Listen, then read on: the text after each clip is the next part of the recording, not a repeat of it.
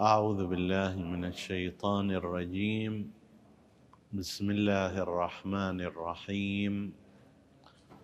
والصلاة والسلام على أشرف الأنبياء والمرسلين سيدنا محمد وعلى أهل بيته الطيبين الطاهرين.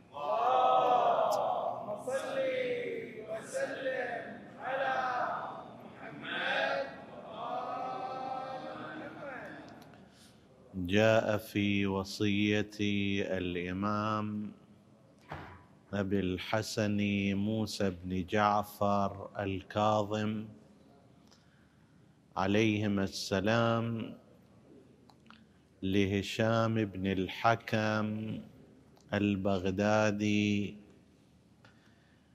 أنه قال يا هشام إن الله تبارك وتعالى بشر أهل العقل والفهم في كتابه. فقال فبشر عبادي الذين يستمعون القول فيتبعون أحسنه. أولئك الذين هداهم الله وأولئك هم أولو الألباب. يا هشام إن الله عز وجل أكمل للناس الحجج بالعقول وأفضى إليهم بالبيان ودلهم على ربوبيته بالأدلاء يا هشام إن الله وعظ أهل العقل ورغبهم في الآخرة فقال وما الحياة الدنيا إلا لعب ولهو وللدار الآخرة خير للذين يتقون أفلا تعقلون. هذه الفقرة جزء من وصية طويلة من الإمام الكاظم عليه السلام إلى أحد أهم أصحابه وأصحاب أبيه الصادق وهو هشام ابن الحكم. ذكرها أي هذه الوصية المرحوم الكليني في كتابه الكافي وذكرها أيضا معاصره المرحوم شيخ ابن شعبة الحراني في كتابه تحف العقول عن آل الرسول. هذه الوصية من الوصايا المهمة ولذلك سوف نعرض لها إن شاء الله بالتأمل في فقراتها والنظر في توجيهاتها وهي تكتسب أهمية من جهات متعددة. الجهة الأولى جهة القائل فكرة أنه لا تنظر إلى من قال وانظر إلى ما قيل ليست في كل الموارد صحيحة. فإن القائل مثلا لو كان رب العزة والجلالة في القرآن يختلف عن قول عبده فلا يصح هنا أن تقول لا تنظر إلى من قال وانظر إلى ما قيل. لا من قال هنا مهم جدا بل كل الأهمية فيه نظرا لأن من قال هو الله سبحانه وتعالى وكلامه لا يأتيه الباطل من بين يديه ولا من خلفه. فهذه الكلمة اللي أحيانا تجري مجرى المثل وهي صحيحة في بعض الموارد ليست صحيحة في كل الموارد. في بعض الأماكن اولا ننظر إلى من قال. فإذا كان هذا القائل ممن يستحق العناية بقوله نظرنا في مقاله وأما إذا كان القائل هو إبليس مثلا ما يحتاج أصلا واحد ينظر إلى كلامه. إذا كان القائل على سبيل المثال هو شخص كافر جاحد لا ينبغي النظر في كلامه. بعكس ما إذا كان القائل مقاله معصوم. القرآن الكريم لا ينطبق عليه ابدا هذا الكلام. لا تنظر إلى من قال وانظر إلى ما قيل. لا انظر اولا من هو القائل. إذا كان القائل هو الله سبحانه وتعالى هذا يختلف عما إذا كان القائل عبدا من عباده. إذا كان القائل معصوما يختلف عما إذا كان القائل غير معصوم غير المعصوم كلامه مهما كان محتمل للخطأ وللصواب. وأما المعصوم فعلى حسب اعتقادنا المعصوم مطلقا سواء كان نبيا أو اماما.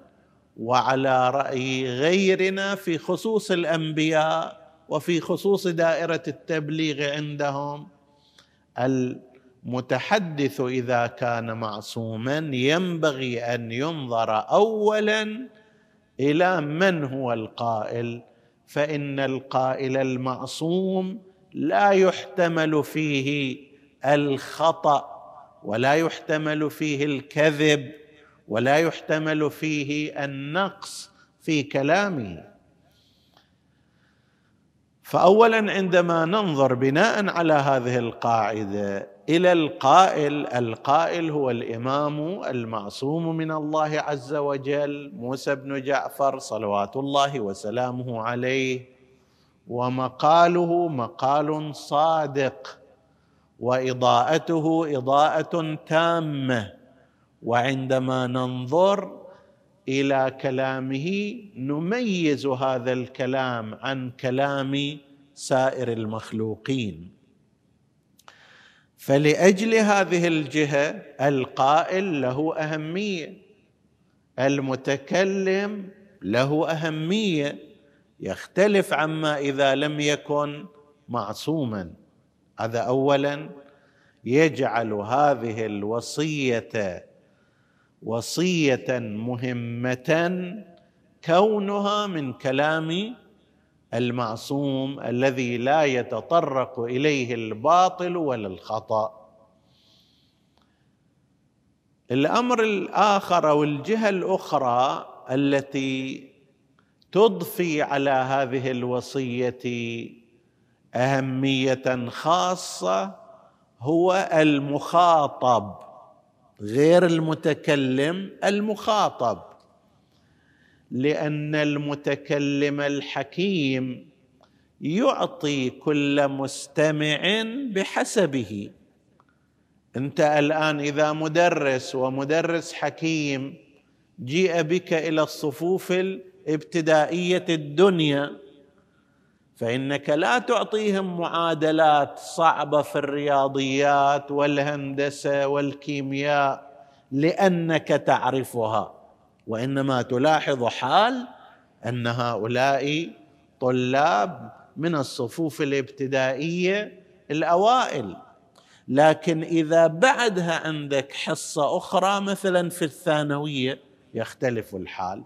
فأنت تعطي طلاب الثانوية ما يتناسب مع عقليتهم وما ينفعهم. المدرس واحد ولكن المستمع متعددون في مستوياتهم فالمدرس الحكيم يعطي ذاك بحسبه ويعطي هذا بحسبه.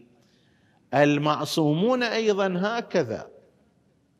لذلك العلماء يلاحظون مثلا الروايات التي يرويها فقهاء الأصحاب مختلفة عن الروايات التي يرى يرويها أشخاص عاديون طرأت له مسألة فقال له الإمام جوابا سريعا. ذاك الفقيه لا يتحدث له يشير إلى بعض القواعد يشير إلى بعض الأدلة ينبهه إلى ما هو مرتكز في ذهنه من المعلومات يعطيه إشارات. بينما هذا الراوي العادي لما عند ذاك المستوى يعطيه بحجمه. هشام بن الحكم عقلية من أعظم العقليات في أصحاب المعصومين عليهم السلام. ولذلك قبل انتمائه إلى مسلك أهل البيت عليهم السلام كان من الدرجه العلمية والقوة العقلية حسب تعبيرنا ما يتنزل أن يناقش هذول الفقهاء المعاصرين له وما يرى عندهم علما وإذا تناقش مع أحدهم يغلبه. فأحد أصحابه أيام الإمام الصادق عليه السلام قال أنا خل أستأذن اليه على الإمام الصادق عليه السلام. خله يناقشه. كذا في العقليات بالذات. كان فيلسوفا. هشام بن الحكم ما عنده روايات في الفقه مثلا. قال بعض الاساتذه أنه عنده رواية واحدة في الفقه. أنا ما تتبعت هذا الأمر ولكن هذا نقلا. ولكن في العقليات في علم الكلام في الاستدلال على الله في الاستدلال على النبوة في الاستدلال على الإمامة شيء كثير جدا عنده. فهو متكلم يعني عالم بعلم الكلام أكثر منه فقيها. فيقول أنا قلت إلى الإمام الصادق أنا فلان هشام بن الحكم من أصحابنا من أقاربنا وأحب أن يجي عندك يستمع إليك. هذا عنده قدرة عقلية جدا كبيرة. فلو صار في منهج أهل البيت رجوت أن ننتفع به. الامام الصادق قال ما يخالف خليه يجي. فيقول طلعت بعد شوية تذكرت قلت هذا هشام بن الحكم لسانه وقدرته العقلية غير طبيعية. فرجعت إلى الإمام الصادق قلت له يا سيدي يا أبا عبد الله إنه هشام بن الحكم. فضحك الإمام عليه السلام قال علي تتخوف؟ يعني خايف مثلا إنه يجي ومثلا يناقشني ويغلبني يقول عرفت أني زليت أنا يعني في هذا. فاعتذرت من الإمام واستأذنت. أن أن أنصرف وخبرت. هشام قلت للإمام الصادق ينتظرك أي وقت حبيت. فيقول جاء على الموعد المقرر. فالإمام الصادق عليه السلام طرح له سؤال. قال له هذا سؤال روح وجيب جوابه. هذه روح وجيب جوابه يعني أنت لست بقادر الآن على أن تأتي بجوابه. يقول بالفعل أنا ما كان عندي جواب في وقتها فرحت بعد يومين شفت ما عندي جواب. رجعت اليه قلت له ما وجدت جوابا فأعطاني جوابا أعطاني سؤال ثاني نفس الكلام. فرجعت اليه وعرفت أنه هذا مو أي فقيه وإنما لا بد أن يكون مؤيدا من الله سبحانه وتعالى. الشاهد فيما بعد يقول أنا قلت للإمام الصادق عليه السلام هذا الفقه والتفسير معروف يعني شغل أجدادك شغل الناس في الفقه هو تفسير يحفظون روايات هذه الأحاديث الفلسفية والأدلة العقلية من وين الك من أين أخذتها؟ من فقال له يا هشام إن الله أعدل من أن يفترض حجة إمام على الناس ثم لا يكون عنده كل ما يحتاجون إليه. الله يجي يقول هذا حجتي عليكم. نروح نسأله في العقليات يقول والله ما أدري يحتاج أفكر في الموضوع أو أراجع. نساله في الفقه يقول والله المسألة للحين ما حققتها. نساله في ما أدري تاريخ كذا نساله في كذا. الله سبحانه وتعالى أعدل من أن يقول هذا حجة الله عليكم وأطيعوا أولي الأمر. طيب طاعة مطلقة بعدين ما عنده إجابة على الأسئلة. المهم انتمى إلى منهاج أهل البيت عليهم السلام ولأنه كان متمكنا جدا فقرب في زمان الإمام صادق عليه السلام ورفع منزلته ولم يكن قد يعني عمر حتى قيل أنه لم يلتحي في ذلك الوقت ما صارت له لحية كاملة. مثلا قد يكون عمره 18 سنة مثلا 20 سنة هالشكل شيء. وإن كان بعض الناس الحين من عمره 13 و14 سنة ما شاء الله. طيب الشاهد أن الإمام عليه السلام رفع منزلته وكان إذا اجى يجلسه بجانبه وهذا الأمر اللي شوية خلى خاطر بعض الكبار يتكدر أنه هذا مثل حفيدنا. الآن يجي الإمام يجلس إلى جانبه ويرفع منزلته وإحنا رواة وفقهاء وأصحاب الشيبه والعمر الكبير. ما يجلسنا ذلك المكان. وأكو أحاديث كثيرة في شأنه وفضله. أنا كاتب عنه في رجال حول أهل البيت. الشاهد أن هذا أيضا صار من أصحاب الإمام الكاظم عليه السلام. عنده مناظرات كثيرة وبعضها يعني الإمام استعاذه. حتى لما جاء ذات مرة قال له يا هشام أخبرني ماذا صنعت مع عمرو بن عبيد. عمرو بن عبيد كان من رؤوس المعتزلة ومن شيوخهم المرجع الأعلى حسب التعبير مالهم. كانوا حاضرين أناس فالإمام أراد أن يبين إليهم هم منزلة هشام وأيضا الفكرة اللي طرحها. فقال له ماذا صنعت بعمرو بن عبيد؟ فالإمام فهشام قال أنا لساني لا ينطلق أجلك يا مولاي.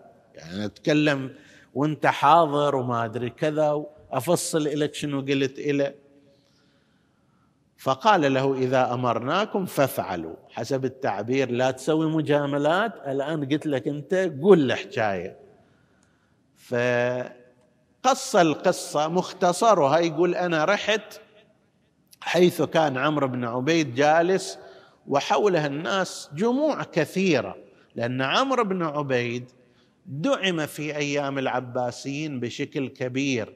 العباسيون وهذا بحث خاص العباسيون دعموا الاتجاهات المخالفة لأهل البيت عليهم السلام في الفقه والعقائد حتى ينفصلوا انفصال كلي عباسيون نسبهم مع أهل البيت واحد ولكن حتى ينفصلوا انفصال كامل دعموا الاتجاهات المخالفة لهم في الفقه. فترة صاروا مالكية بعدين صاروا حنفية في كلام فترة صاروا معتزلة فترة صاروا أشاعرة. المهم لا يكونوا في ضمن مدرسة أهل البيت.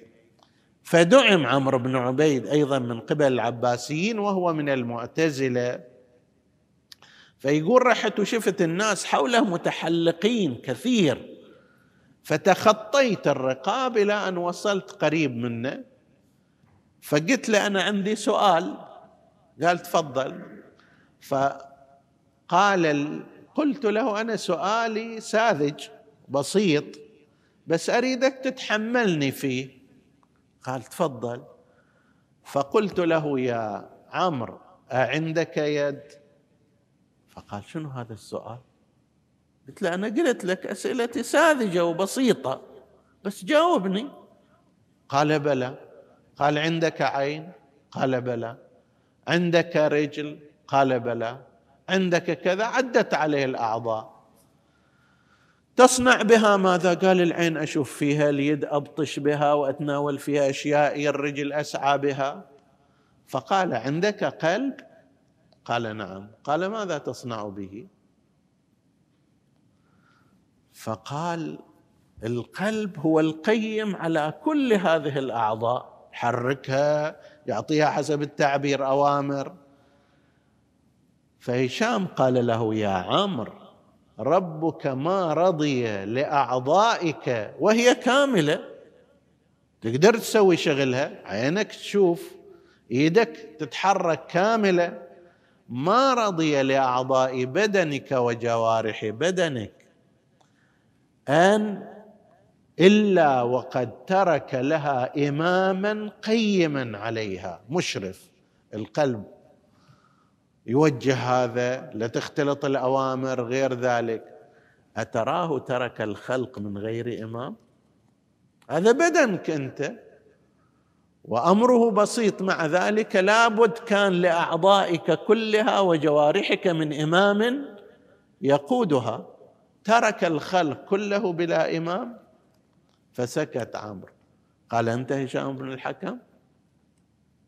أو سمعت منه قال أول شيء أنت من أين؟ قال من الكوفة. قال أنت هشام بن الحكم أو سمعت من؟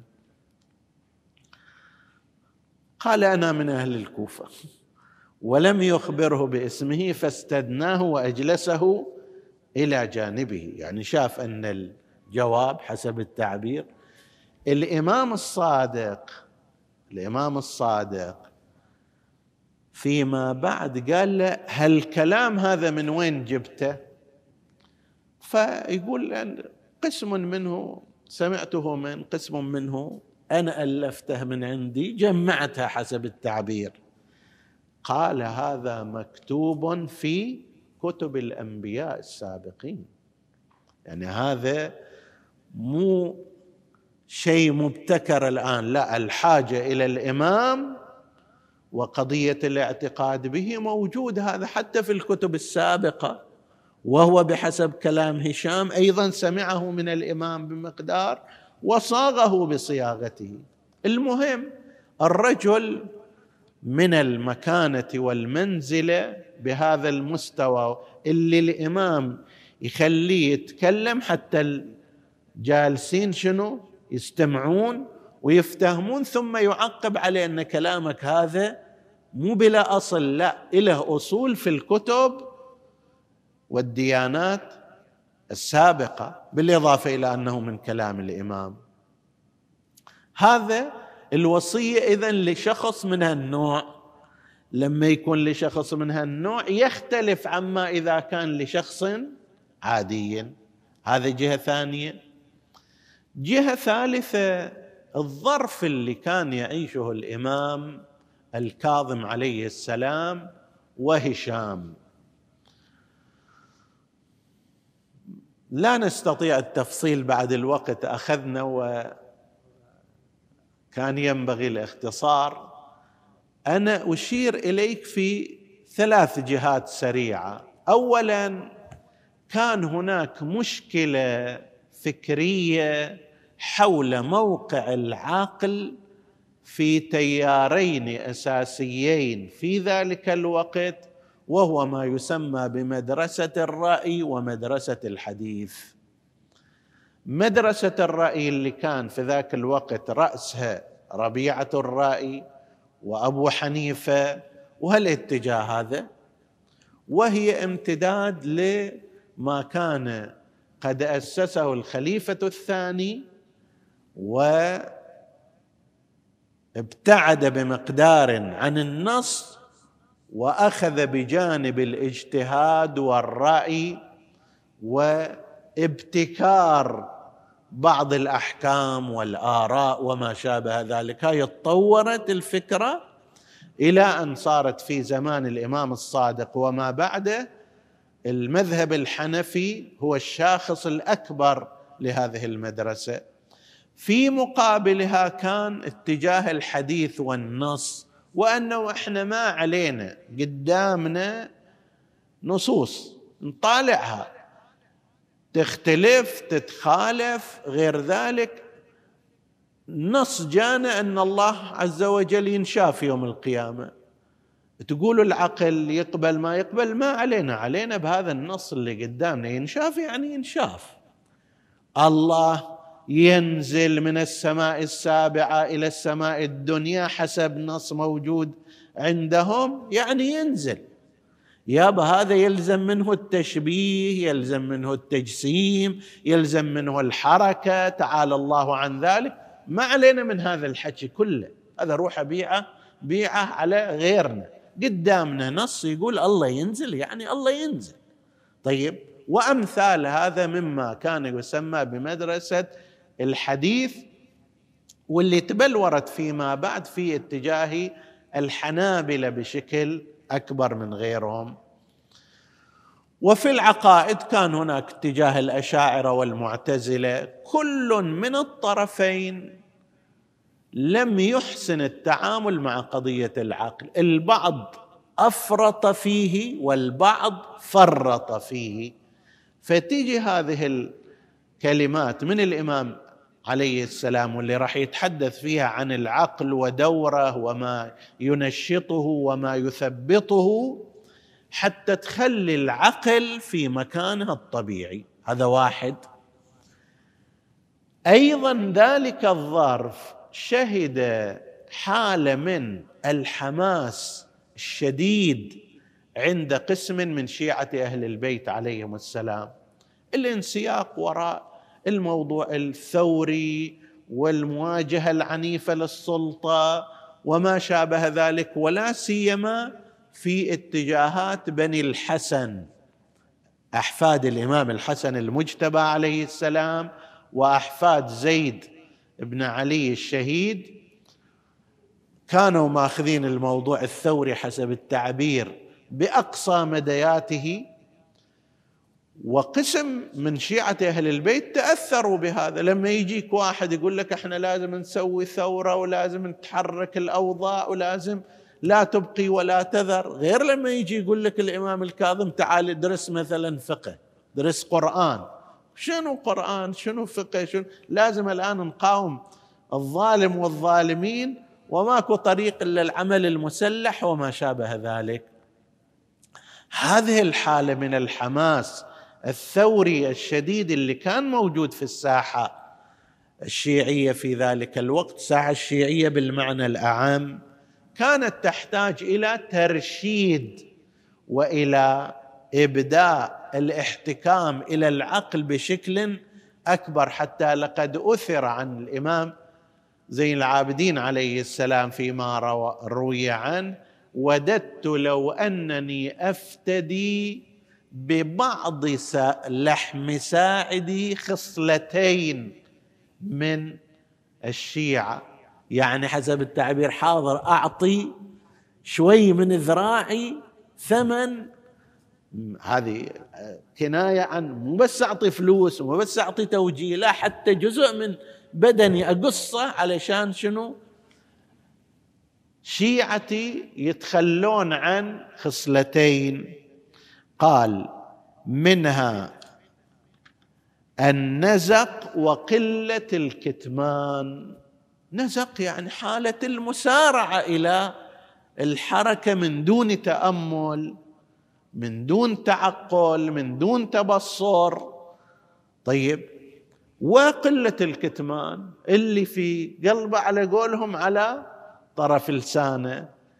فهذه أيضا الأوضاع الخاصة تقتضي أن تكون هناك وصية بالتعقل وبتنمية العقل في وسط الشيعة بالإضافة إلى الجانب الحياتي أن الإنسان في حياته لا يتأثر بالكلام كثير. الآن تسمعون إن شاء الله نشير إلى هذا في المستقبل تسمعون فلان إنسان بأقل شيء خدع. قالوا إلى مثلا تخلي فلوسك هالشكل تطلع لك من ذاك الصوب. أضعاف مضاعفة. يركض. وين ما عنده بيته يبيعه سيارته يبيعها باقي يبيع روحه هو نفسه علشان شنو؟ يحصل إلى فد ربح غير طبيعي. يا ما يصير. هذا لعب يلعبون بك. وهذا شفنا خب كثير ولا نزال إلى اليوم. اليوم إلى الآن مع كل هالمصائب اللي صارت يدخلون على الإنترنت. يقول له تريد تجمع 3000 دولار في أسبوع واحد؟ سوي كذا وكذا. يابا هالقد يعني الدنيا هو انطحس بالتعبير؟ هالقد الفلوس هي نخلة إذا تريد تزرعها شجرة إذا تريد تزرعها ما تصير في أسبوع. طيب أنت تريد تسوي هالشكل. زين وين هالبشر أصحاب المليارات اللي عندهم إذا في أسبوع يسوون هالشكل؟ طيب تروح وتدفع فلوسك. أنت الفقير المسكين أو اللي وضعك غير حسن تذب فلوسك في هذه وتروح عليك. يابا انت فايز بفلان كذا بس رسل إلينا ما أدري رقم حسابك وما أدري كذا سوي. وأمثلة التحايل بلا حد ولا عد. وتنطلي على قسم من الناس هذا مع كثرة التأكيد على الانتباه والالتفات. طيب ومع كثرة التجارب المرة ليش هذا العقل مو حاكم عند قسم الناس في حياتهم الاقتصادية الاجتماعية غير ذلك. هنا يتبين أن التأكيد على موضوع الأحكام العقلية وأن نقدم العقل أمام كل شيء هو أمر مهم كما سيأتي الحديث عنه إن شاء الله في أيام قادمة. وصلى الله على محمد وآله الطاهرين.